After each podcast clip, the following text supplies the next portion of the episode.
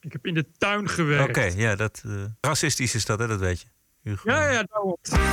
This is the TPO podcast. Wie heeft er nog overzicht? Kabinet stelt bijgestelde vaccinaties opnieuw bij. Wat namelijk nodig is, is dat we iedere dag een zo accuraat mogelijk cijfer weten te geven. Baudet charmeert zich door buitenhof-interview. Ik weet niet precies waar dit vandaan komt. Van uw website. En de Tweede Kamer. Stemming stijgt, niveau daalt. Voorzitter, dit is zo smerig. Dit is zo laag bij de grond. Aflevering 223. Ranting and Reason. Bert Bresson. Roderick Phalo. This is the award-winning TPO podcast. Het is maandagavond 1 februari, weer een nieuwe maand. En Bert heeft goed weer. En we hebben een klein beetje een hele lichte storing op de lijn. Maar het is ook wel 4000 kilometer die we moeten afleggen.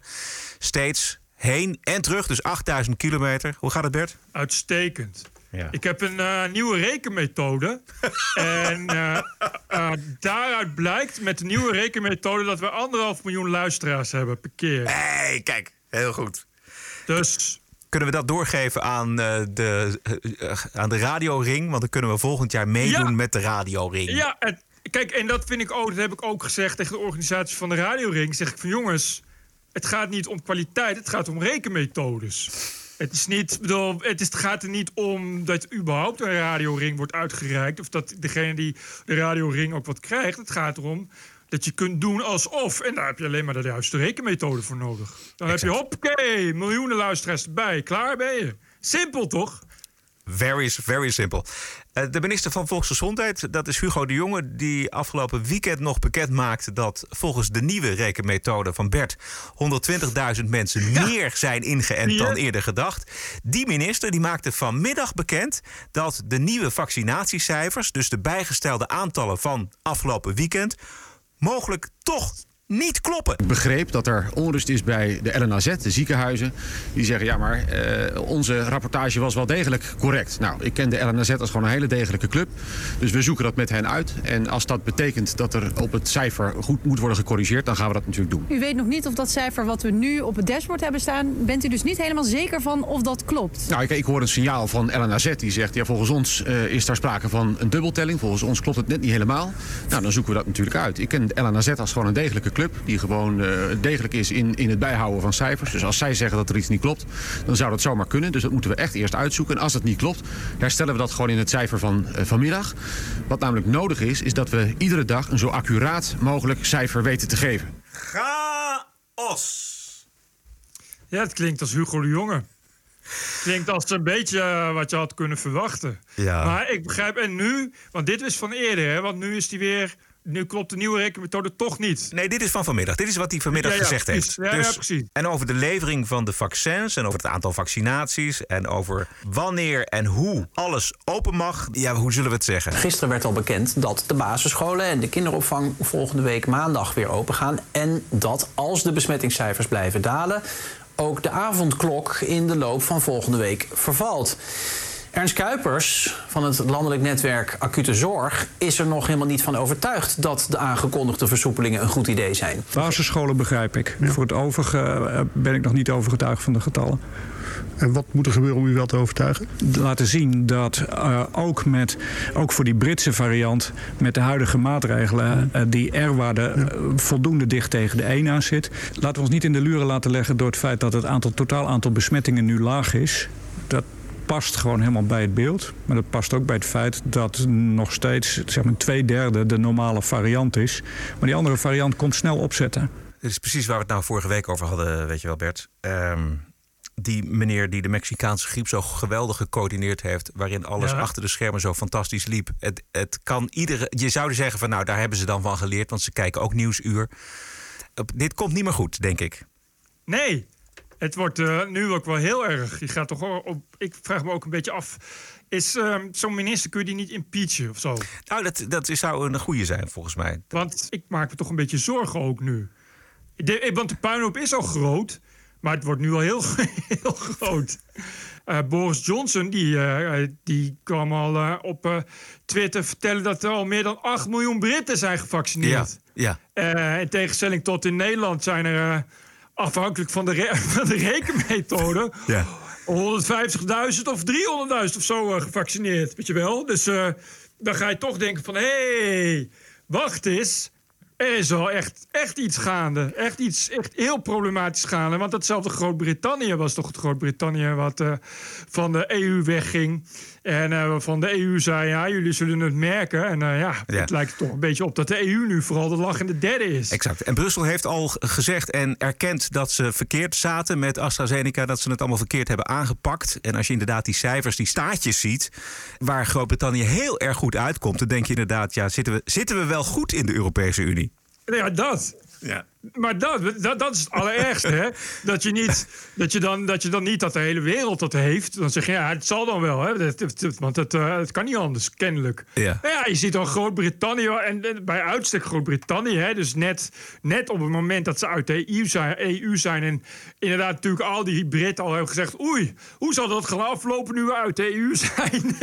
en is bam, hopskee. Ik las ook bijvoorbeeld vandaag nog een artikel, ik geloof in de Groene Amsterdammer, over mondkapjes.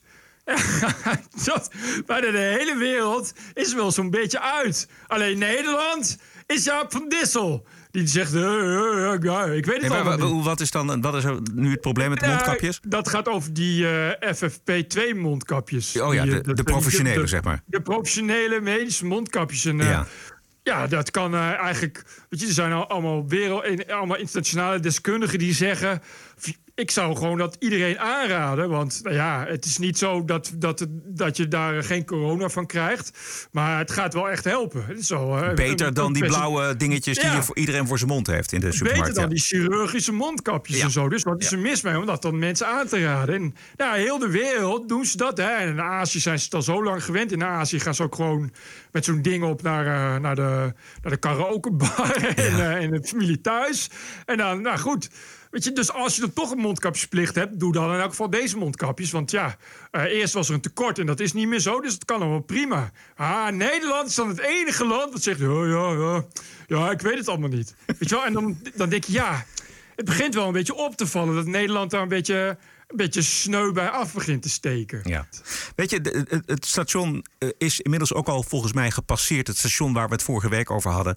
Namelijk dat je één iemand verantwoordelijk maakt voor de logistiek, voor eh, de, de uitvoering van de maatregelen. De, de briljante zet die gedaan is door de minister van Volksgezondheid ten tijde van de Mexicaanse griep.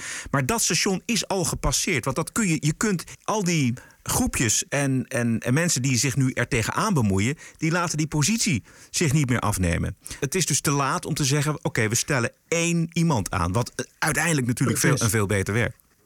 Precies, nee, maar dat is precies dat is wat je zegt. Het zit, het zit nu al allemaal op zijn plek. En dat wordt, wordt niet afgegeven. Eh, en, en het zit allemaal al zo diep dat daar niet meer. Ja, dat je dat, dat ja, wat je zegt, gepasseerd station. Ja. Die- er is niet meer zomaar een weg terug. Dat nee, dus het is nu roeien met de, met de riemen die de jongen heeft. We gaan het niet anders zien, denk ik. Het is eh, hopen dat eh, er heel snel veel gevaccineerd wordt. En dan kijken eh, dat we dat coronavirus onder de grond krijgen. En nou ja, dan is het herbezinnen. En op naar de volgende pandemie, maar dan op een andere manier. Nou ja, laten we hopen dat het dan niet weer Hugo de Jonge is. Nee, Als, eh, nee, nee, nee. nee. Als, wat, goeie hemel. Ik, eh, ja, je, je mag toch een beetje... Ik snap gewoon niet waarom... Ja, nou ja. ja, nee, ja Wat? Wat snap je dat niet? ja, ja, dat, dat, dat er niet, niet iemand dat overneemt of zo. Maar ja, Ja, dat, zo werkt het je niet kan, dat, dat, dat, zo werkt dat inderdaad Nee. niet. In Amerika zeg je... Ja, daar kun je dus ook eh, impeachen. En, en, en lokale rechts. En in Nederland... eh, zien we dat gewoon heel, nog te weinig ook. Hè. Dat is ook wel echt iets waar eh, Nederlandse politici altijd op gokken. Vooral op gemeentelijk niveau zie je dat. Hè. Dat, dat gemeenten dan zeggen, oh, we gaan dit en dit doen. En dat, wat, eigenlijk mag dat niet. En als dan, en de, bijvoorbeeld, we gaan de horeca sluiten of, of eh, de horeca gaan we extra belasten, weet ik veel wat. En als dan die mensen de handen ineen slaan en, en inderdaad naar de Raad van State gaan, dan wordt dat vaak teruggefloten. Dan Ja. wordt vaak gezegd, nou, dit is niet. Dit, dit is niet een wet die je zomaar mag uitvoeren. Maar ja, je, je kunt erop gokken dat heel veel mensen eh, dat toch niet doen. En dat is, in Amerika is het wel anders. Ja. Het is wel veel meer gebaseerd op ehm, op, op die overheid die. Eh, moet je, moet je, eh, die moet rekenschap afleggen. Ja, Dat- precies. Ja. En eh, dat, wij hebben veel meer, die overheid zorgt voor ons. Ja. Dus die val je niet aan. En, en mensen hebben vaak ook niet een idee dat wat die overheid doet, dat dat gewoon gebaseerd is op wetten. En dat je die gewoon kunt aanvechten. Dat je gewoon, maar iemand moet dat wel doen. En dat zien we bijvoorbeeld bij die eh Urgenda. Is bijvoorbeeld hè, een, een, goed voorbeeld daarvan. Uh, als je vol blijft houden. En, en een organisatie hebt en daar er geldt een middelen voor, kun je dus heel veel bewerkstelligen. Ja, exact. Ja. Dan, kun je, dan kun je dus echt ja, een overheid dwingen. Eigenlijk bij Urgenda is het bijna dingen te doen die niet eens kunnen. Bij, eh, als het ware. Maar het kan dus wel. Je kan dus echt de overheid echt een totaal andere richting opdwingen. Vandaag ging het in de Tweede Kamer ook over hoe de Belastingdienst fraude opspoort. Uiteraard naar aanleiding van de toeslagenaffaire, waar er gekeken werd naar buitenlandse achternamen. Omdat de Belastingdienst vanwege de Bulgare fraude misbruik vermoedde van eh, Nederlands belastinggeld in het buitenland. En dat is, zoals wij weten, eh, helemaal uit de hand gelopen. Vandaar het debat vandaag. Leon de Jong van de PVV die pleitte ervoor om eh, nationaliteit mits goed onderbouwd en in beperkte mate bij die opsporing te betrekken. En Henk de Boer van de Partij van de Arbeid die schakelde meteen door naar huidskleur en racisme. Ja, voorzitter, eh, racisme en discriminatie zijn een geniepig gif. Omdat je het vaak heel moeilijk kunt bewijzen als het je overkomt. En je ziet niet zo vaak in een debat in de Kamer dat iemand daar eh, dat niet in de mond durft te nemen, maar dat wel expliciet doet. En ik zal daar een heel simpel voorbeeld eh, van geven, voorzitter. Die ook de autoriteit persoonsgegevens heeft gegeven in de hoorzitting vorige week. Stel je bent groen of je bent paars. En je rijdt in de auto en de- degene die paars is, wordt elke dag staand gehouden door de politie. Want de paarsen zijn een gro- zogenaamd grotere risicogroep. Vindt de heer De Jong dat dan ook onrechtmatig en ongewenst en discriminatie? Paars en groene. Maar het, het ging hier helemaal niet om huidskleur. Het ging hier Nee. om achternamen. En het ging om daar waar de risico's liggen, zullen we maar zeggen. Precies. Laten we even luisteren naar het antwoord van Leon de Jong van de PVV. Ja, ik vind dus dat op het moment dat je eh, zegt dat alle mensen die paars zijn, allemaal moeten worden gecontroleerd. Zonder dat je onderbouwen kan. Zonder dat je kan aangeven of er substantiële problemen zijn. Dan vind ik dat fout. Ja. Maar ik vind ook dat op het moment dat er in een bepaalde wijk eh, overmatig veel jonge mensen zijn. die eh, in overmatig dikke, dure auto's rijden. dat je best wel eens mag kijken van wat daar is. Wat, wat gebeurt daar eigenlijk precies? Zonder dat je die mensen gelijk beschuldigt van fraude of misbruik of noem maar op. En wat de heer Nijboer hier eh, als inleiding aangeeft van ja, racisme en discriminatie is. Ja, als het je overkomt, is het zo moeilijk ehm, eh, te pinpointen. Daar ben ik het helemaal mee eens. Wat ook altijd heel lastig is, is op het moment dat je iemand daarvan beticht, dat je dat op een geniepige wijze doet. En als je een hele rea- realistische, goede voorstellen doet, dat je dan in zo'n zo'n sfeer wordt genoemd. Dat vind ik ook. Ja, benoem het dan en onderbouw het. Wat wij willen is, op het moment dat we zien dat er binnen een bepaalde groep mensen overmatig veel fraude wordt gepleegd, en je kan dat objectiveren, je kan dat onderbouwen, dat je moet kunnen controleren. Niet daarmee zeggen dat heel die groep een fraudeur is, zeker niet, maar kunnen kijken wat er aan de hand is. Exact. En het wordt venijniger. Meneer Nijboer? Ja, voorzitter, ik benoem en onderbouw het. Eh, in de coalitie waar de PVV deel van eh, uitmaakte, in ieder geval als gedoogpartner, is stelselmatig de sociale zekerheid doorgelicht en gekeken hoe kunnen we mensen met een andere nationaliteit op achterstand zetten. Nou, dit, dit vond ik wel zo onder de gordel. Ik begrijp niet, hè? Hij zegt dus het, in het kabinet, dat was het eerste kabinet Rutte met het CDA, dat gedoogd werd door de PVV, heeft de PVV Oh, ja. ervoor gezorgd dat er mensen stelselmatig gediscrimineerd werden. En dat ligt hier Ja. verder ook niet toe. Dus stelselmatig gekeken bij de AOW-opbouw, bij de aanspraken op eh, voorzieningen. En dat is bewust gedaan. Dat is bewust gedaan. Daar is de partij van de heer De Jong ook trots op. En ik, hier is een evident voorbeeld. Dit gaat helemaal er zelf dikke auto's bij. Ja, daar ben ik het mee eens. Dat vinden wij allemaal. Hè? Als, je, als, je heel, als je een hele dikke auto rijdt en je krijgt bijstand, zegt iedereen... dan mag je best even komen kijken. Maar daar was mijn voorbeeld niet. Mijn voorbeeld zat alleen in kleur. Groen en paars. En daar heb ik expres alles verder bij weggelaten. En de heer De Jong stelt voor... hou bij wie de groen is, hou bij wie de paars is... en beslis dan zelf op enig moment... nou, alle groenen die gaan we daar, of alle paarsen... die gaan we gewoon de hele tijd aanpakken. En die krijgen dan misschien geen straf... want daar wil hij dan nog een beetje bij wegstrijden. Maar de uitkomst zal natuurlijk zijn... dat die veel vaker worden gepakt. En dat is discriminatie. En dat staat de heer De Jong voor. Voorzitter, dit is zo smerig. Dit is zo laag bij de grond. Om hier huiskleur bij te halen. Hoe haalt u het in uw hoofd? En dan kan de heer Assen kan wel gaan lachen, die alleen maar naar huiskleur krijgt als het kijkt om de slachtoffers. Maar waarom doet de heer Nijboer dat van de Partij van de Arbeid? De partij die zelf een minister heeft geleverd, die voor deze ellende mede verantwoordelijk is. Kunt u wel gaan lachen? Waarom doet u dat? Waarom lacht u? Dat zijn slachtoffers. Uw eigen Ascher is daarvoor verantwoordelijk. Wat bent u aan het doen? Neem daar verantwoordelijkheid voor. En huiskleur erbij halen. Ik heb geen moment gesproken over huiskleur. Het gaat maar niet om huiskleur. Kom daar niet bij mij aanzetten over huiskleur. Het is schandalig om dat erbij te halen. En over de rug van die slachtoffers zo'n verwijt maken is schandalig. Schandalig. Uw eigen partij die die mensen zo in een probleem heeft geholpen. Ja. Ja.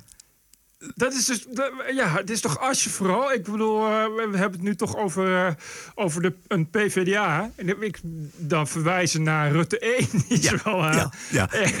hele lange brug die je dan ineens wil gaan slaan. Ja, nee, het was het prachtig ehm, schouwspel omdat Henk Nijboer van de Partij van de Arbeid de aanval inzet op de PVV. Dat heeft natuurlijk ook allemaal met framing te maken. En Nijboer die, die probeert het nog wel iets, maar hij heeft eigenlijk de wedstrijd al verloren hier. Nou, voorzitter, ik wil alleen even vaststellen dat ik niet overtuigd ben door, deze, door dit antwoord van de heer de Jong. Ik vond, het, eh, nee, ik vond eigenlijk op alle fronten geen inhoudelijk antwoord op eh, de opmerking die ook collega's hebben gemaakt. Oké.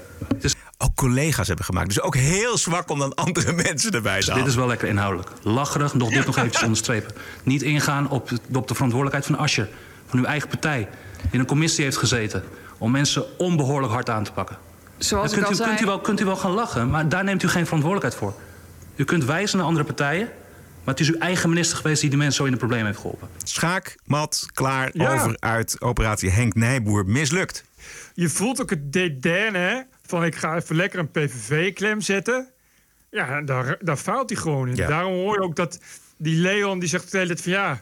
Weet je, wat waarom sta je nou zo raar te lachen? Dat is ook heel, heel venijnig en kinderachtig. Dat is ook, da- daarmee laat je ook duidelijk zien dat het niet alleen over argumenten gaat, maar dat je gewoon op iemand neerkijkt. Dat hij het nodig heeft om eh, andere collega's erbij te pakken die hetzelfde vinden als hij. Dat is ook zo zwak, zonder namen te noemen, verder zonder onderbouwing. Het is extreem kinderachtig. Even los van wat je van de standpunten van de PVV en van de Partij van de Arbeid vindt. This is the TPO podcast. Ik vond het een boeiend interview gisteren in Buitenhof met Baudet. En waarom vond ik het boeiend? Ehm, omdat Baudet zich hier een soort van Rutte 2 toont. Die nogal wat aantijgingen van interviewer Twan Huis van zich af laat glijden. Zoals Rutte dat ook zo goed kan.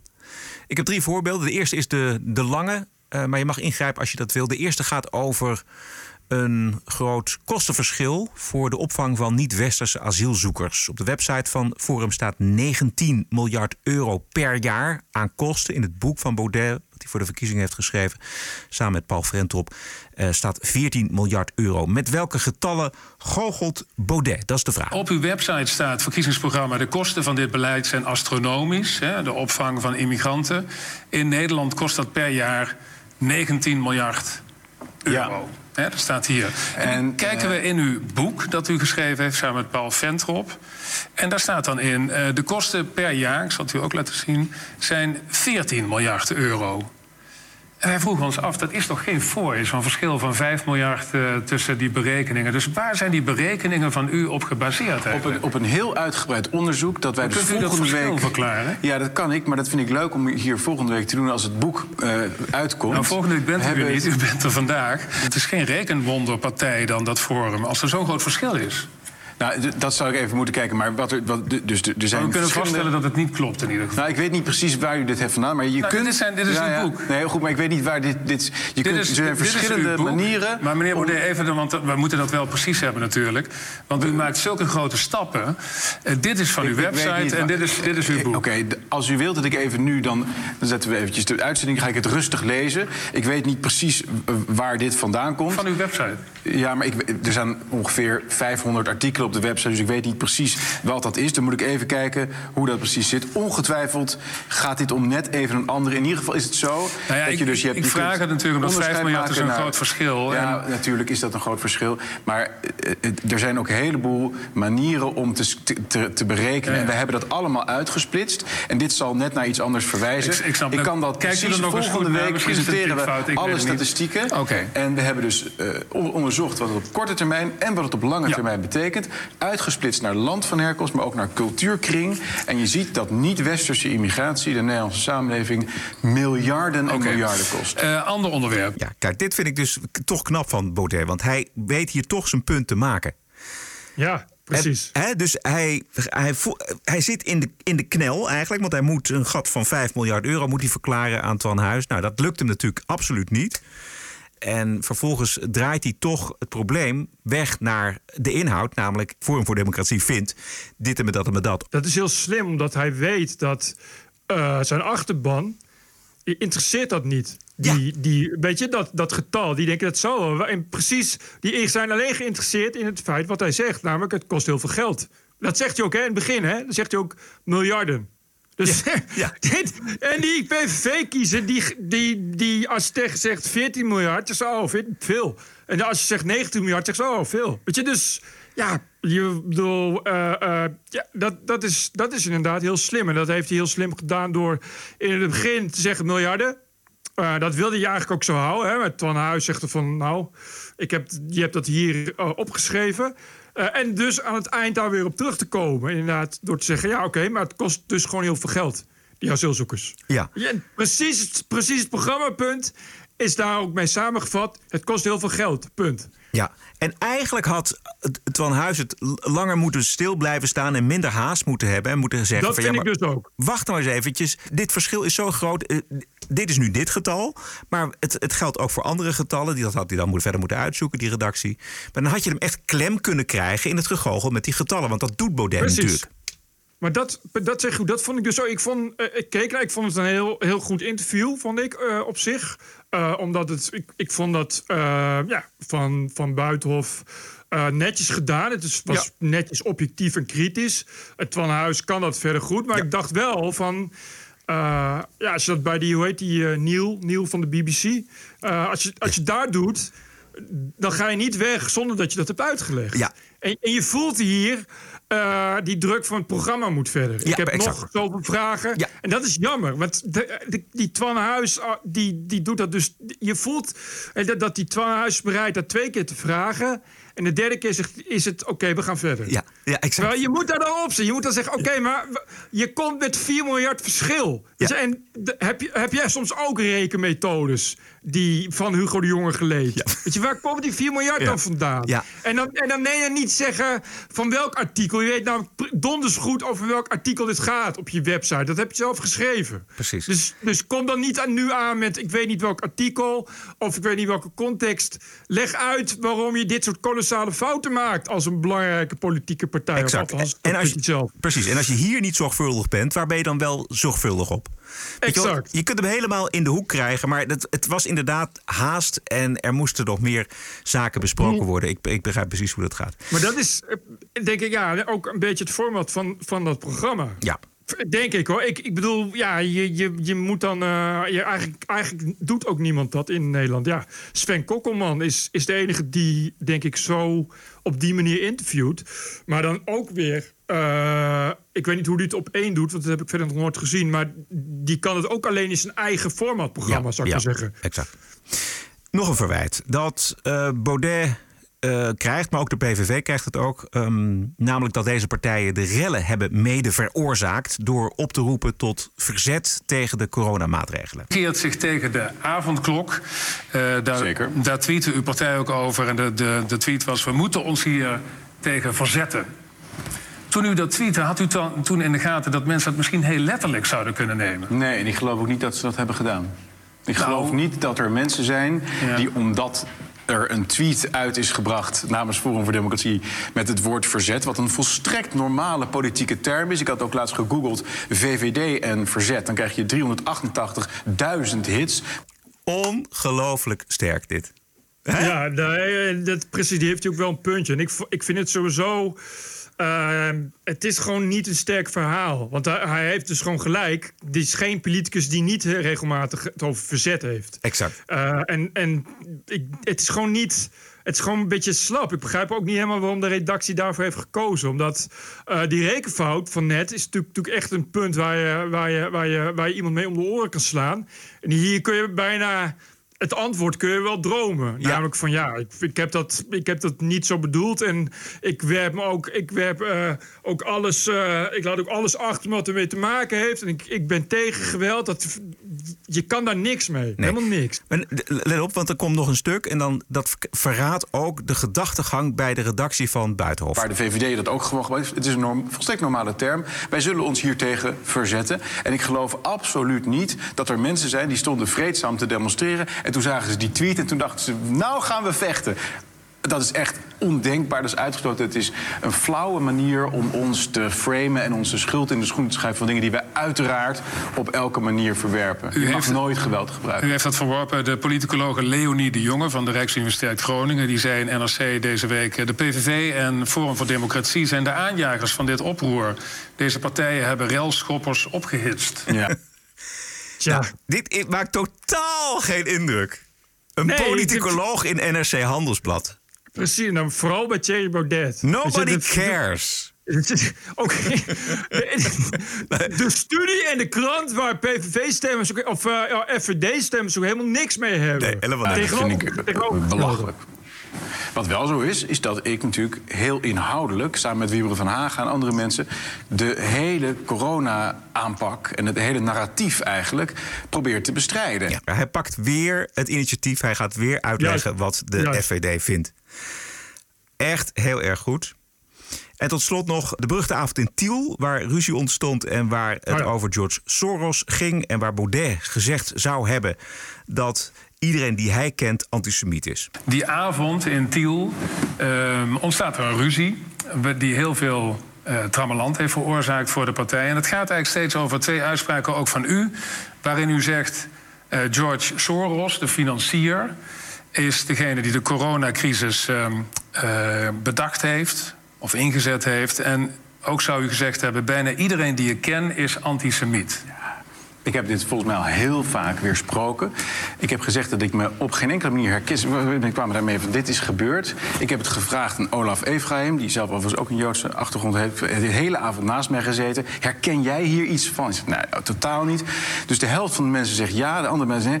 Wat ik me herinner dat ik heb gezegd...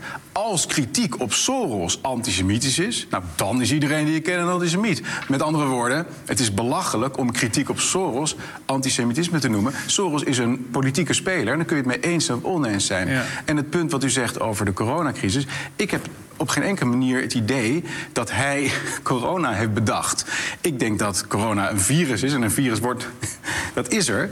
En we kunnen wel van mening verschillen over de aanpak daarvan. Ik vraag het aan u omdat u zegt, u heeft in eerdere interviews gezegd... ik herinner me niet dat ik Nee, dat, dat is ook zo. heb. Ja.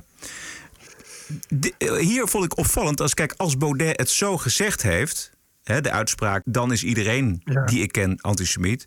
Ik weet niet of hij dat gezegd heeft, maar als hij dat zo gezegd zou hebben, dan komt die uitspraak wel in een ander daglicht te staan, vind ik. Precies. Nee, dat, eh, ook omdat het een, eh, laten we maar zeggen, een veel, veel gebruikte uitspraak is. Omdat het, eh, als je inderdaad iets op, kritiek op Soros hebt, wat vanuit de rechtshoek, waar, de, waar Thierry Baudet in zit, is er heel veel kritiek op Soros. Omdat het natuurlijk wel een politieke speler is. En dan krijg je altijd meteen te horen, nee, want het is- dat is antisemitisch. Want Ja. Soros is Jood. Ja, en dan, dan begrijp ik wel dat je zegt van ja, ja, dan is kennelijk iedereen een antisemiet die kritiek heeft op Soros. Precies, ik, ik ken een hoop mensen die kritiek hebben op. Soros en dan zouden al die mensen eh, eh, antisemiet moeten zijn. Precies. Maar ik vind dat ehm, in, in- over corona en Soros... daar laat Twan Huis hem ook wel heel makkelijk weglopen. Om, omdat hij zei... Het was een bizarre tweet die, die, die, die eh, Baudet heeft gedaan. En hij heeft Ja. inderdaad... eh, Dat was heel complotterig, dat verhaal van Soros...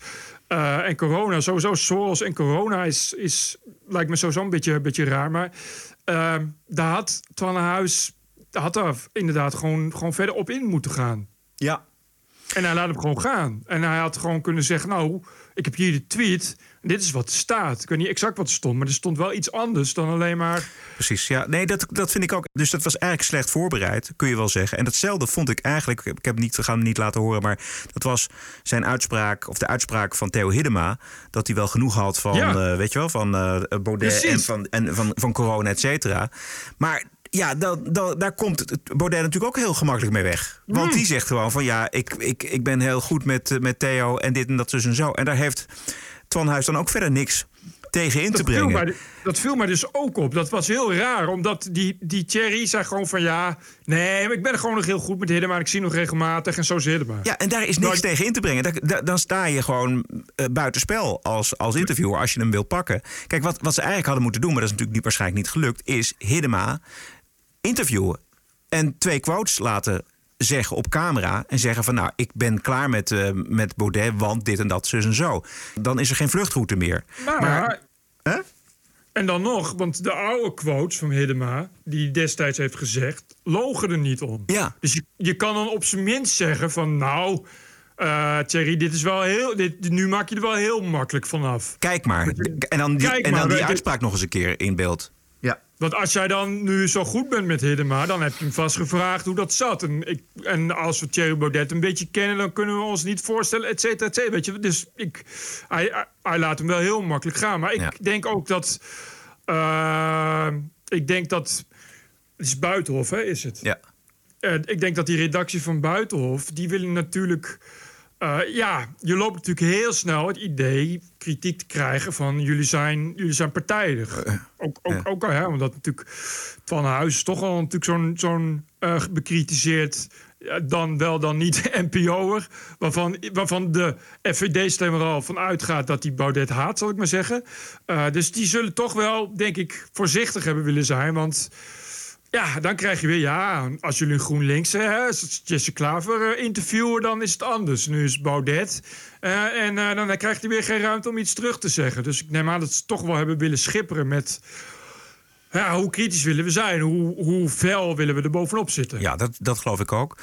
Eh, maar het neemt niet weg dat volgens mij ook de redactie een inschattingsfout heeft gemaakt. Eh, als je bijvoorbeeld kijkt Ja. naar, eh, nou ja, dan noemen we een uitspraak van een belangrijke politicoloog van een universiteit in Groningen. Ja, dat maakt totaal Nou, nee, dat- geen indruk. Niet op Baudet, niet op zijn stemmers. Ook niet op mij trouwens. Wat kan mij het schelen wat een, wat een Nee. politicoloog zegt over de PVV en Forum voor Democratie. Nee, maar eh, nou ja, dat zou nog wat kunnen zijn. Maar niet, niet alleen omdat je, dat je het woord verzet hebt getweet. En dat er daarna wappies losgaan in heel Nederland. Dat, dat werkt bij Trump als je, als je, omdat het Trump is. En als er daarna allemaal mensen die waarvan duidelijk is dat ze Trump-aanhanger zijn. net nadat je zegt: ga naar het kapitool, naar het kapitool gaan.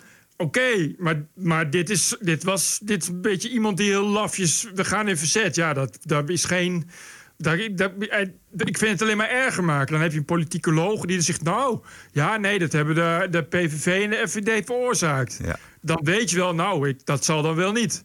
Want dat klinkt wel heel... eh, alsof, alsof inderdaad anderen dat niet twitteren. Alsof die daar niet iets van vinden. Zometeen een eh, hele volle woke-week. En we gaan nog even kijken naar Amerika. En we hebben dat natuurlijk ook waarderen en doneren, natuurlijk. Dat is heel, bela- heel belangrijk. Maar we gaan eerst eventjes naar nog een, eh, toch wel iets heel grappigs. Ehm, toen ik het las in het Algemeen Dagblad, dacht ik... ik neem het toch eventjes mee, kijken wat Bert ervan vindt. Namelijk dat de Partij van de Eenheid... van de oud-PVV'er en tegenwoordig moslim Arnoud van Doren... die zit diep in de problemen. Die conservatief-islamitische Partij van de Eenheid... die heeft nu één zetel in de Haagse gemeenteraad. Maar hij wil, zoals zoveel, meedoen met de Tweede Kamerverkiezingen... en wil zich eh, daarom ook voordoen als een soort van brede volkspartij. En nou heeft hij, op aandringen van een vriendin... eh, de banketbakker Jolisa Brouwer op plek 3 gezet... Ja. En Jolisa is helemaal niet islamitisch. Dat was ook de bedoeling dat ze niet islamitisch was. Maar ze heeft een bakkerij in Waalre. En ze adverteert op haar website met gigantische piemels, borsten en billen van cake en taart. Ik zag de plaatjes op geen stijl. Eh, het ligt er niet om, laat ik het zo zeggen. Als je, als je echt een lekkere piemeltaart wil, zal ik naar haar gaan. eh, Precies. als ik jou had. Want jo Jolisa die zegt ook tegen het Algemeen Dagblad... die taarten zijn voor feestjes, maar ze worden ook gebruikt in de porno-industrie. En het grappige is nou dat eh, de Partij van de Eenheid zich kapot geschrokken is toen ze afgelopen dagen getipt werden door salafistische achterban. Die alarm sloeg dat de nummer drie op de lijst in pornobaksels doet. Ja. Ik snap ook niet hoe ze daar niet... Dat, dat weet je dan toch? Het is wel, het is wel he- heel slecht achtergrond, eh, achtergrond eh, bekeken en eh, research gedaan. Ja. Ik bedoel, het, is- het lijkt mij dat, dat er niet zo heel veel banketbakkers zijn... waar je dit soort, nou, laten we zeggen... hele flinke jongens op je taart kunt laten zetten. ja. Die er inderdaad, dat lijkt me nogal een specialiteit... waar, waar, waar zo iemand dan eh, in, in ommelanden nogal bekend over, om, om staat. Het is, Eh, ja, het is van een. ja? Van een ik bedoel, dat, dat amateurisme wordt op zo'n grappige manier afgestraft. Ja, omdat het, omdat het grappig is. Eh, ik, ja, het is. Het zegt inderdaad iets over het amateurisme van die partij. Ja. En, en dit, dit ja. Eh, verder, eh, ik, was, eh, ik wist niet eh, dat het allemaal kon met banket. het is heel veel mogelijk met banket, zo blijkbaar weer. Maar zij maakt dus al die dingen. Of in ieder geval medewerkers Ja. van die bakkerij, die maken ze. Ja. Zullen wel is, mallen hebben, dat- denk ik. Of misschien, ja, ik weet het niet. Ja, misschien gebruiken ze er iemand voor die, die, die, die model staat, laat ik het zo zeggen. We gaan naar de Wokweek. Er is die. I was offended and I have rights. Podcast. You're an adult. Grow up. Deal with it. I don't care. care. In de Wokweek kijken we naar mensen, bedrijven, instanties die zich een slag in de ronde deugen of laf capituleren voor de terreur van de identiteitsideologie. Toppunt van capituleren was wel, eh, eigenlijk was het meer van woke dienstbaarheid eigenlijk. Is de Olaf Palme-prijs voor de Black Lives Matter-beweging. Volgens de jury blijkt uit de internationale navolging van de protesten in de Verenigde Staten dat racisme en racistisch geweld nog altijd een wereldwijd probleem zijn. En dat is natuurlijk eh, waar, maar eh, dat juist deze beweging eh, ook voor zoveel polarisatie en geweld heeft gezorgd, dat lezen we dan niet in het juryrapport. Bovendien is Black Lives Matter door een Noors parlementslid ook nog voor de Nobelprijs voor de Vrede genomineerd. En we hebben allemaal nog wel de beelden natuurlijk voor ons van brandende gebouwen en winkels in Amerikaanse steden op ons netvlies. Maar de Noorse, het Noorse parlementslid eh, dat de BLM heeft voorgedragen, eh, die zegt dat de meeste protesten vreedzaam waren. En hij zegt nog iets veel leukers, namelijk... Natuurlijk zijn er incidenten geweest, maar de meeste zijn veroorzaakt door de politie of tegendemonstranten. Tja. Ja, ik, het, als je, het rare is, als je Black Lives Matter googelt... dan krijg je dus gewoon heel veel plaatjes van mensen met stenen en molotov cocktails. Dus hoe, hoe, ik, ik begrijp gewoon niet hoe je dan op het idee komt... om daar de Nobelprijs voor de Vrede aan toe te kennen. Nou, nog niet toe te kennen. Hij wordt genomineerd. Nou, maar of, eh, eh, sorry, te nomineren. Maar Of bovendien, eh, aan wie, wie- gaan ze da- die uitreiken eigenlijk? Ja, dat is niet ja. dat we nou eh, iemand hebben die, die daarvoor staat of zo, toch? Nou, er zijn drie dames, marxistische dames, marxistisch Oh, ja. geschoolde dames. En de- die zijn de basis van deze beweging. Maar vergeet niet dat Trump ook genomineerd is. Je, je- het is. je kunt iedereen nomineren volgens mij. Dat is wel zo, dat is wel zo. Dus eh, we je, kijken. kan er een hoop, Ja. je kan er een hoop van zeggen, maar niet dat ze, niet dat ze eenzijdig zijn. Ze nomineren ook Trump. Dus. Maar ik, vond, ik, ik zag eh, ja, een hoop woedende reacties kwamen erop online. Eh, ja, dat begrijp ik wel. En ik denk dat...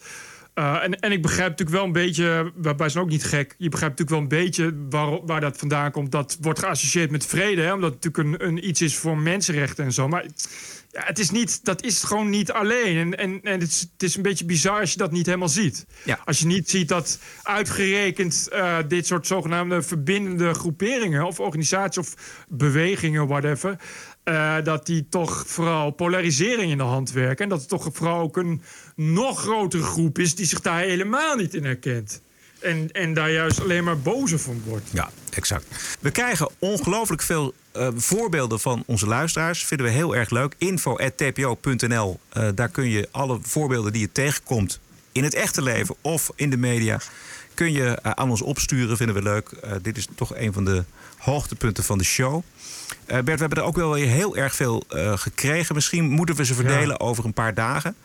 Ehm, want we hebben ook nog vrijdag, ook. vrijdag een uitzending. Dus ik, ik zou zeggen, eh, eh, pik, er, pik er een paar die je leuk vindt. Ja, hoe, hoeveel heb jij er? Ik heb nog één... Twee heb ik er nog. Eh, Jeroen Vriend. Jeroen Vriend is vaste gast van de show. Die zendt heel veel in. Eh, ik weet niet of het woke is, het was wel enorm grappig. Eh, dat stond op de BBC. Dat is eh, iemand had een bedrijf opgericht. En dat bedrijf was heel succesvol eh, in, in Groot-Brittannië.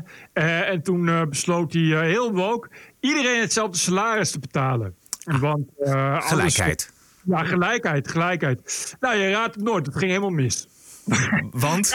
Ja, nou ja, oh, want er kwam jaloezie. Eh, en eh, hij wilde dus eh, nog meer gespecialiseerde IT'ers inhuren. En die zeiden allemaal, ja, maar dit... Want hij gaf iedereen, ik geloof, 36.000 pond per jaar. En al die IT'ers zeggen van, nou, wij komen ons bed niet uit voor onder de 90.000 pond per jaar. Dus moesten IT'ers inhuren die meer kosten. Waarop alle anderen zeiden, hé, hey, maar het was toch gelijkheid?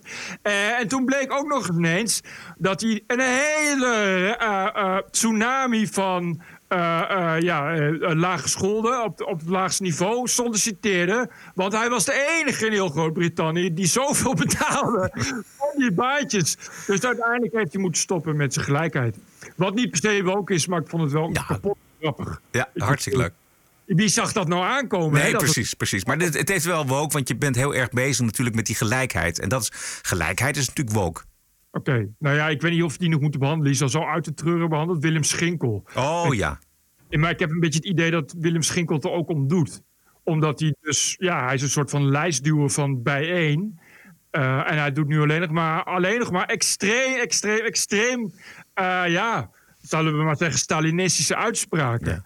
Eh, en daar gaat iedereen dan op los. Maar ik heb dus een beetje het idee dat hij er bewust om doet, want zo krijgt hij makkelijk podium. Dus mocht Ja, wat heeft hij nu weer gezegd? Oh, dat heeft hij al vaker gezegd. Hij vindt dat eh, GroenLinks en PvdA en zo, dat zijn ook fascisten. Eh, ja, nou ja, dat dus. Hij is, hij is echt van, van, van het, van het radicaal. Hij, is- hij vindt ook echt dat eh, de regering moet omver worden geworpen en Oh. gearresteerd. Dat zijn ook fascisten. Ja, nee, ja, ja, je kan het zelf bedenken. Het is echt, echt van het, van het extreemste, extreemste. Terwijl die vroeger een interessante socioloog was. Hij heeft hele interessante boeken geschreven ook. Eh, en hij werd daar best wel populair mee. Ook omdat hij eh, dingen kon uitleggen die andere sociologen wat meer moeite mee hadden. Dus Ja. hij werd snel, kwam hij ook in de media. En die boekjes zijn ook wel leesbaar, ook voor het grote publiek. Eh, en, en, maar dat was niet radicaal. En nou, de laatste tijd is die alleen nog maar. kan het niet radicaal genoeg zijn? Ja, de, interessant hoe iemand ter linkerzijde radicaliseert. Revolutie en desnoods met Ja, geweld. ja, de typische Stalinistische. Ja, ik ben trouwens naar aanleiding van de, de documentaire die jij een paar uitzendingen geleden genoemd hebt over de RAF, over de moord op de Trooihandanstalt directeur, weet je wel, ben ik mij weer eens gaan verdiepen in die hele RAF. En dat is natuurlijk ook fascinerend hoe echt intelligente mensen ehm, geradicaliseerd zijn. Eh, weliswaar in de jaar, eind jaren 60, begin jaren 70, toen eh, iedereen wel eh, links angehaupt was. Maar uiteindelijk toch tot de slotsom komt van ja, het kan niet anders dan met geweld. En dan inderdaad overgaan tot ontvoeringen en moorden en Ja. vliegtuigkapingen. Ja, maar, maar ja. Die, kijk, het punt is dat dat overgaan naar geweld dus altijd aan de horizon zichtbaar is. Ja. En je dus bij eh, radicale partijen dat dus altijd weer voelt. En je altijd denkt van het is wachten tot het moment dat iemand vindt dat, et cetera, et cetera. Omdat, ja, het zal nooit anders zijn volgens mij. Ik denk dat je ook eh, uiteindelijk wel weer, eh, of dat nou in Duitsland is of in Nederland, maar wel, wel ja, weer dat soort terreur gaat zien. Als het maar genoeg polariseert, wat overigens beide kanten op kan. Eh, in Duitsland is de extreemrechtse terreur nogal levend en serieus. Hè. Er worden gewoon politici geëxecuteerd. Eh, daar hoef je elkaar nou niet echt een mietje voor te noemen. Extreem rechts in Nederland, daar eh, eh, ben ik nooit zo bang voor. In Duitsland is het wel iets wat gewoon heel erg serieus bestaat. Waar ook plannen worden gemaakt om mensen om te leggen en weet ik veel wat. Dus dat gaat een keer mis. Maar ik denk dat in Nederland ook wel zoiets een keer misgaat. Het heeft volgens mij ontzettend te maken met eh, of je overtuigd bent dat met vreedzame middelen je doel eh, bereikt kan worden. We zagen het in de jaren 60 bij Martin Luther King, die dan de gelijkheid voor burgers, eh, zwart, wit, et cetera. En dat is dan voor elkaar, voor gelijke rechten. En eh, wat we nu zien met die woke-beweging, die zeggen ja, eigenlijk van ja, eh, Martin Luther King, dat heeft niet zoveel opgeleverd. Kijk maar naar alle Precies. grote verschillen in de samenleving tussen eh, huidskleuren onderling. En dus wordt er nu aan de achterkant gerekend en zeggen van nou, oké, dat moet dus op een andere manier. En, en als, da, als ze daar niet tevreden over zijn, ja, dan is de volgende stap geweld.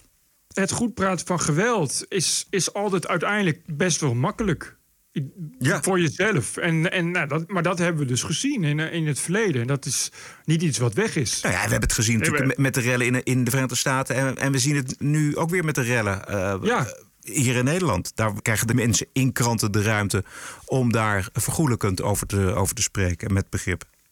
Ja, nee, ja, nee maar precies. Maar, maar zo, ging het, zo ging het ook bij, bij die Rode Armee-fractie. Ja.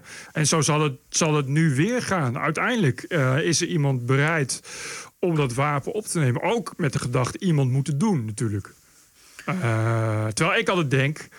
Van je, ja, je weet toch eigenlijk nu wel uit het verleden... dat het geweld vooral niks oplost. Precies. En je weet dat het uiteindelijk toch goed, goed komt. Ik bedoel, je moet een lange adem hebben, weet je wel. Grote Precies. maatschappelijke veranderingen, dat, daar gaan jaren overheen.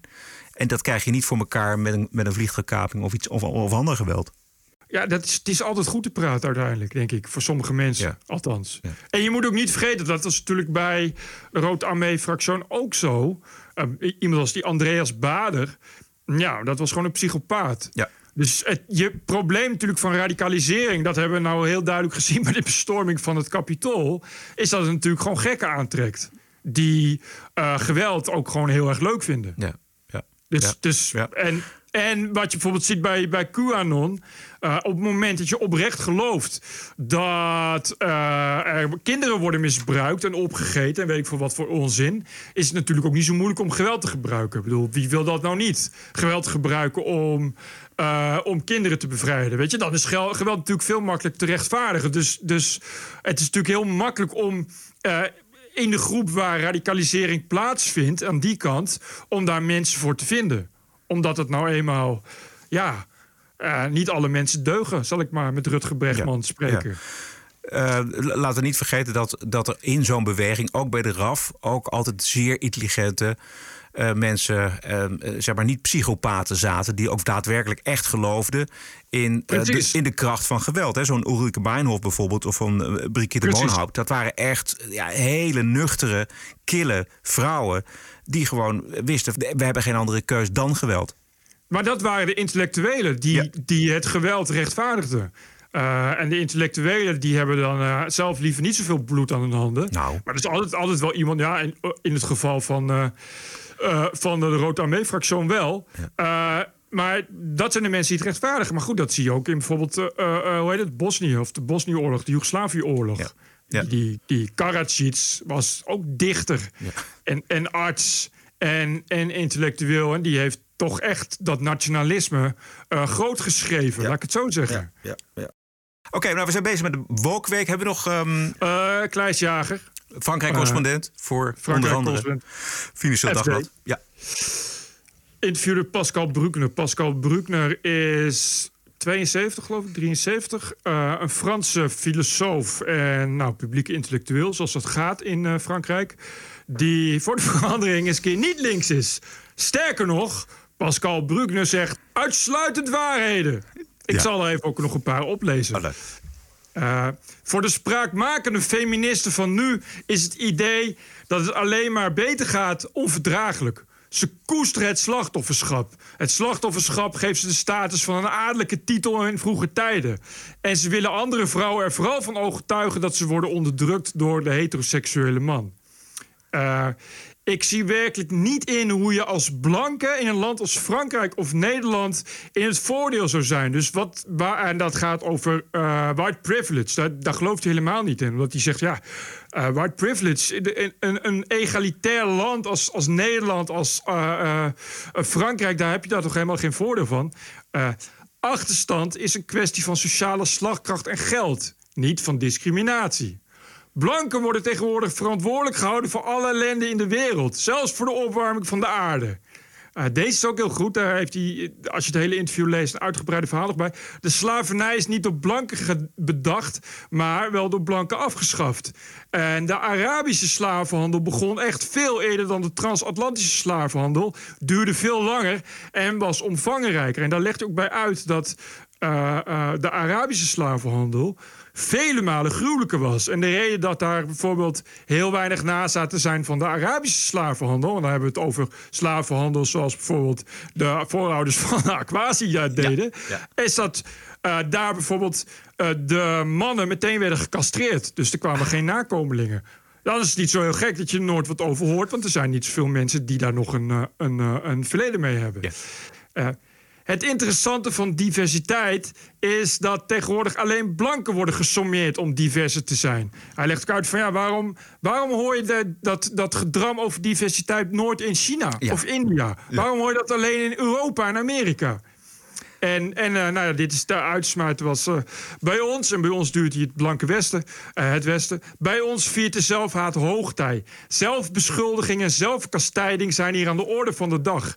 Het bezwaarde geweten is een uitvinding van de westerse mens. Ik heeft een nieuw boek. Volgens mij is daar nog geen Nederlandse vertaling van.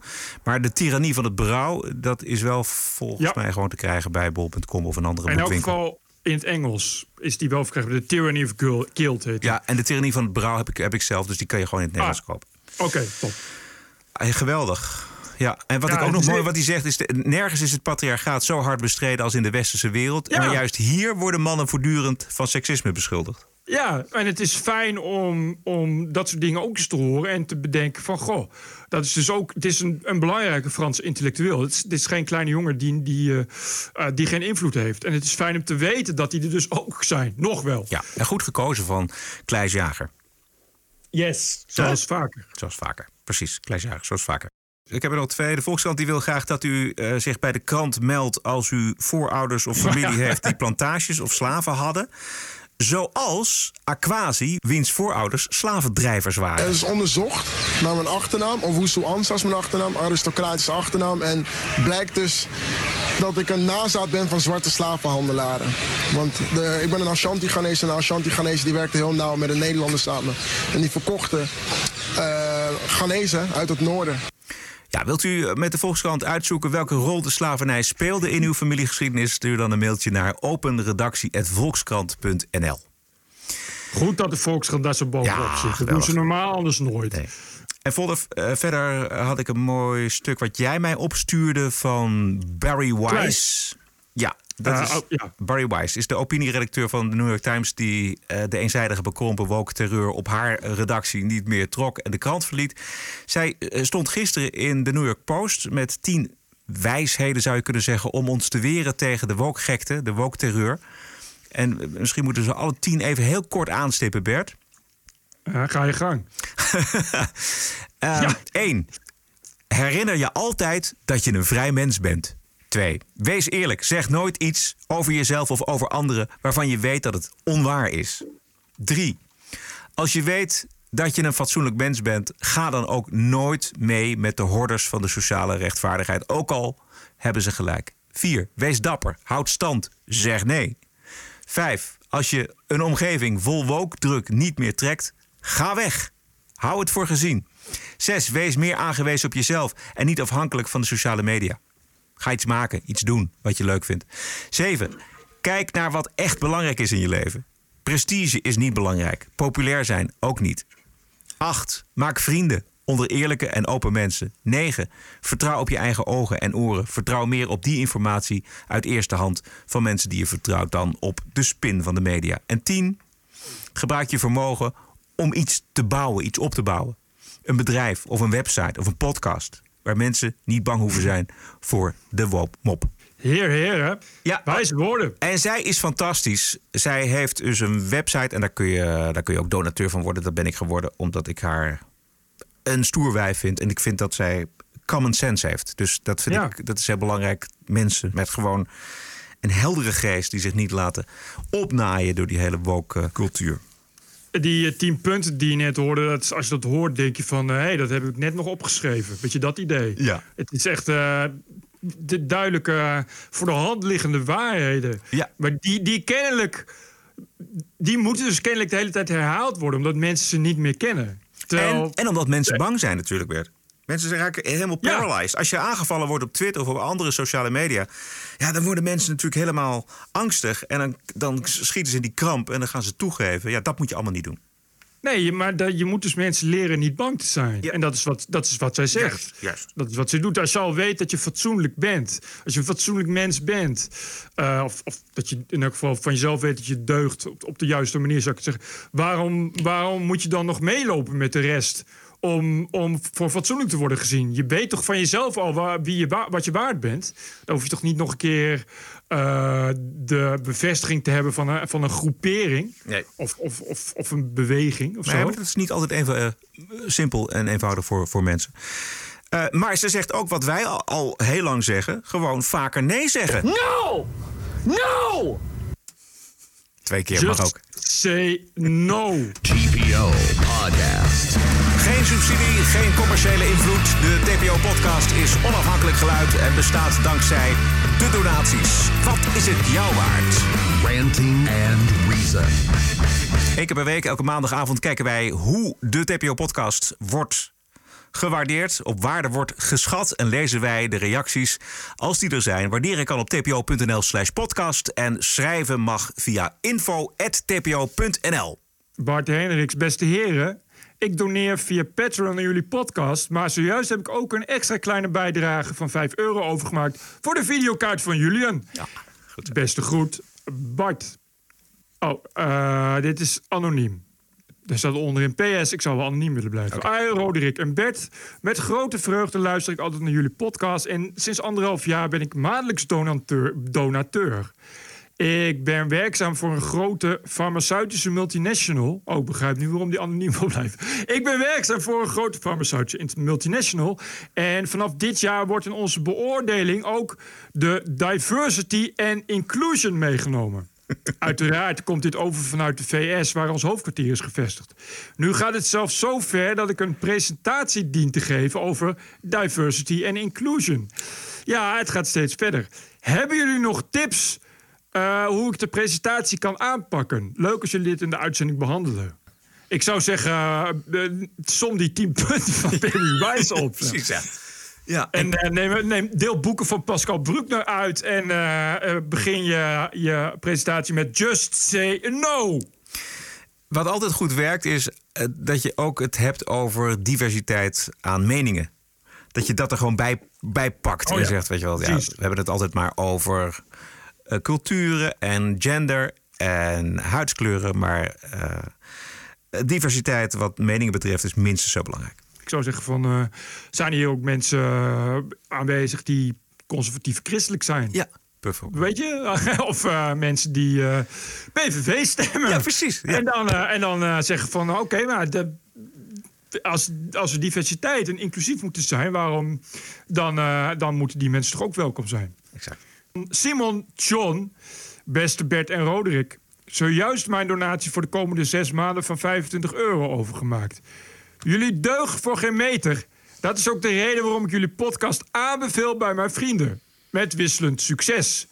Maar goed, millennials met een korte concentratiespannen, dan weet je het wel. Ga door met het goede werk en hopelijk gaan jullie naar drie, drie podcasts in de week. Groeten van Simon, een Chinees uit de lieve stad van Hoop. Dankjewel, Simon. Hans Wind. Geachte, ik heb 10 euro gedoneerd voor de PC van Julian. Met vriendelijke groet. Oh, Hans Frederik. Zijn eh, e-mail is Hans Wind. Oscar Kuipers, beste Bert en Roderick. Ik heb zojuist 20 euro overgemaakt voor Julian, zijn videokaart. Tevens ben ik ook een Patreon van jullie podcast. De video's die er nu zijn bijgekomen, vind ik een leuke toevoeging. Want ik zie dat Roderick oprecht geniet om deze podcast te maken. Tevens zie ik in uitzending nummer 221 als een uitnodiging om jullie vaker te tippen als ik weer wat interessants voorbij zie komen. Doe dat, daar zijn we altijd blij mee. Eh, met vriendelijke groet, Oscar Kuipers. Raymond de Man, beste heren, aangezien ik deze maand niet naar de kapper kan, doneer ik het bedrag van 21,70 euro aan Julian voor zijn videokaart. het bedrag is inclusief toelage voor ontsmetting. Met vriendelijke groet, Raymond de Man. Heel mooi. Raymond, dank je. Namens Soena. Julia. Soena. Soena, hi, ik heb gisteren een tientje overgemaakt voor Julian. Voor zijn videokaart, goed, Soena.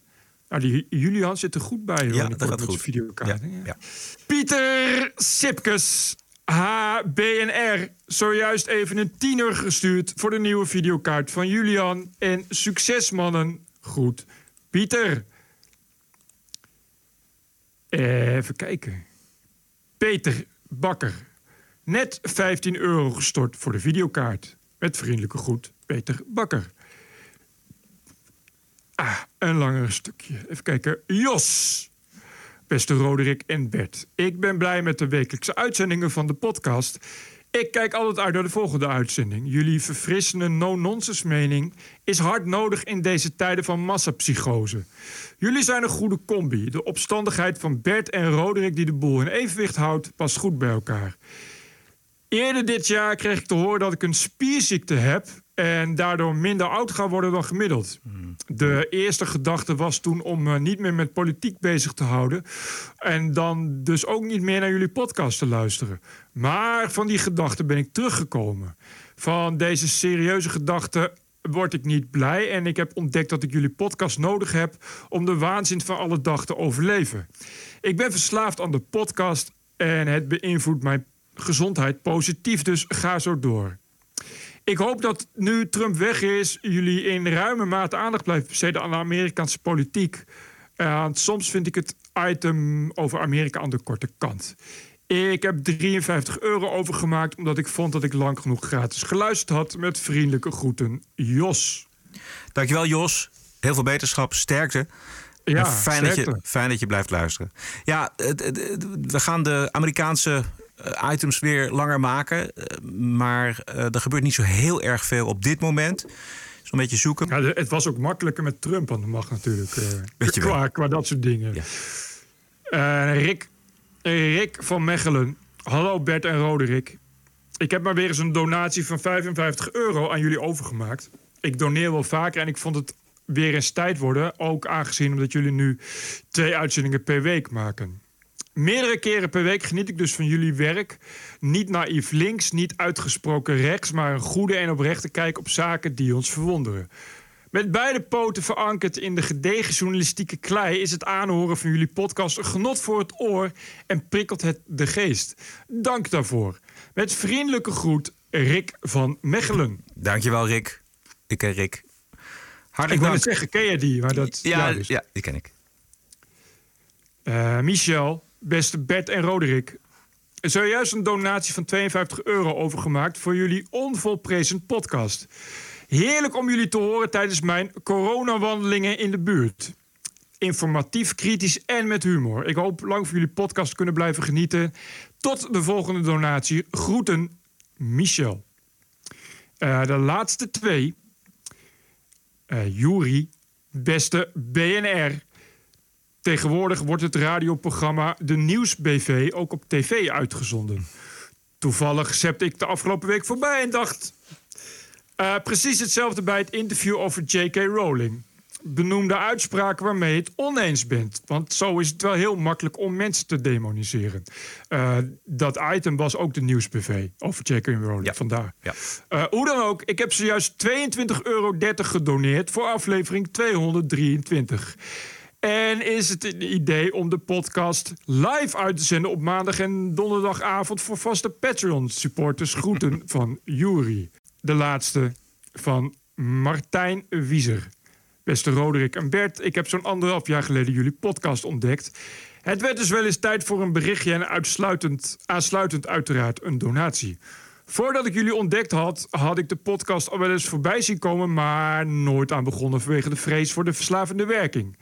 Mijn angst is waarheid geworden en sindsdien geen aflevering gemist. Ik waardeer jullie relativering op de waan van de dag, waardoor jullie podcast bijna een therapeutische werking heeft op mij. Het stelt mij gerust om te weten dat ik niet de enige roepende ben in de culturele woestijn van wokheidswaanzin en deugen. In de tussentijd heb ik jullie meerdere fervente luisteraars aangeleverd. Echt, ik heb toch van niemand een reactie voorbij horen komen. Vandaar dat ik maar 150 euro heb overgemaakt. Een beetje schuldbetaling, zullen we maar zeggen. Mea culpa. Enkele weken geleden hadden jullie de oproep gedaan aan mensen die vanuit het buitenland luisteren. En bij deze is Sydney, Australië ook vertegenwoordigd. Hey, Martijn, geweldig. De, de situatie betreffende COVID hier is een stuk beter in vergelijking met Nederland. En ik kijk met verbazing en ongeloof naar de puinhoop in Nederland en de rest van Europa. De hoeveelheid, hoeveelheid cases in Nederland op dagbasis is ongeveer wat wij per kwartaal hebben in Australië. Eh, anyway, keep up the good work. Martijn Wieser vanuit Sydney, Australië. Geweldig, Martijn. Dankjewel, jongen. Wilt u ook waarderen en doneren? Dat kan op tpo.nl slash podcast. En schrijven kan naar info.tpo.nl. Dit is de TPO-podcast. Een eigenzinnige kijk op het nieuws en de nieuwsmedia. Elke dinsdag en elke vrijdag. Twee keer per week. Het hele jaar door. Zonder reclame en zonder een cent subsidie. 100% onafhankelijk. The award-winning TPO podcast. Wat is het jou waard? Kies een euro per aflevering, 104 euro per jaar of kies zelf een bedrag. De TPO-podcast. Wat is het je waard? Doe mee en doneer op tpo.nl slash podcast.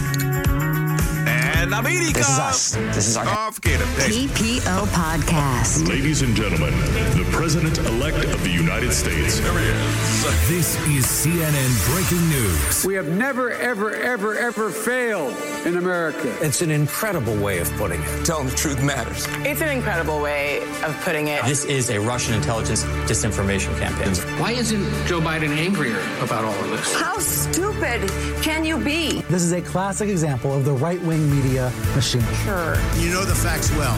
Go ahead.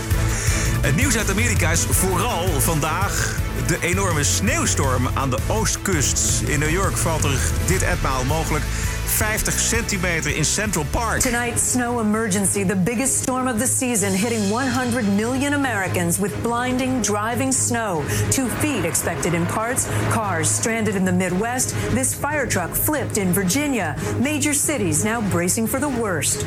This is not a storm to underestimate. This is NBC Nightly News with Kate Snow. dat vond ik nou leuk. Gewoon een heel item Ah. over sneeuw. En dat wordt dan gepresenteerd door Kate Snow. Right. Right. Badum. Yeah. Goed. Het gaat niet zo goed met de tweede impeachment van Donald Trump. Eh, hij is natuurlijk al lang weg als president. Maar de Democraten die willen hem veroordeeld hebben. Als vernedering natuurlijk. En ook om hem in de toekomst te verhinderen nog één keer mee te doen aan de verkiezingen. Maar de Republikeinse Partij in de Senaat... die lijkt de Democraten niet aan een tweederde meerderheid te gaan helpen... om Trump veroordeeld te krijgen. Luister naar twee senatoren van de Republikeinse Partij. I think right now Donald Trump is no longer the president. He is a former president. Constitution, and I think, and I know that there are other people out there that may disagree with me, but Article 1, uh, sections, I think it's three or uh, six and seven, specifically point out that you can impeach the president, and it does not indicate that you can impre- impeach someone who is not in office. First of all, I think the trial is stupid. Uh, I think it's counterproductive. We already have a flaming fire in this country, and it's like taking a bunch of gasoline and pouring it on top of the fire. Uh, uh, second, um, and I look back at the time, for example, Richard Nixon, who had clearly committed crimes and wrongdoing. And uh, in hindsight, I think we would all agree that President Ford pardon was important for the country to be able to move forward. And history held Richard Nixon quite accountable for, for what he did as a result. In terms of the rules, I think the president is entitled to due process. I think he's entitled to have a defense. I think he's entitled to present, you know, uh, testimony and evidence uh, if necessary. And you know, the House doesn't have much of a record of witnesses and so forth because they frankly rammed it through very quickly. Ja, die laatste, dat is eh, senator Marco Rubio. Die zegt, ja, het, het moest ook allemaal zo snel eh, door het Huis van Afgevaardigden... op de laatste dag dat Trump president was.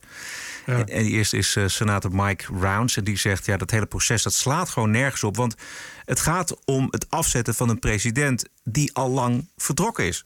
Precies. Ja, dat, daar kon je natuurlijk op wachten. Ja. De, en ze hebben twee derde meerderheid nodig, Ja, hè? Dus voor, voor een veroordeling. Ja.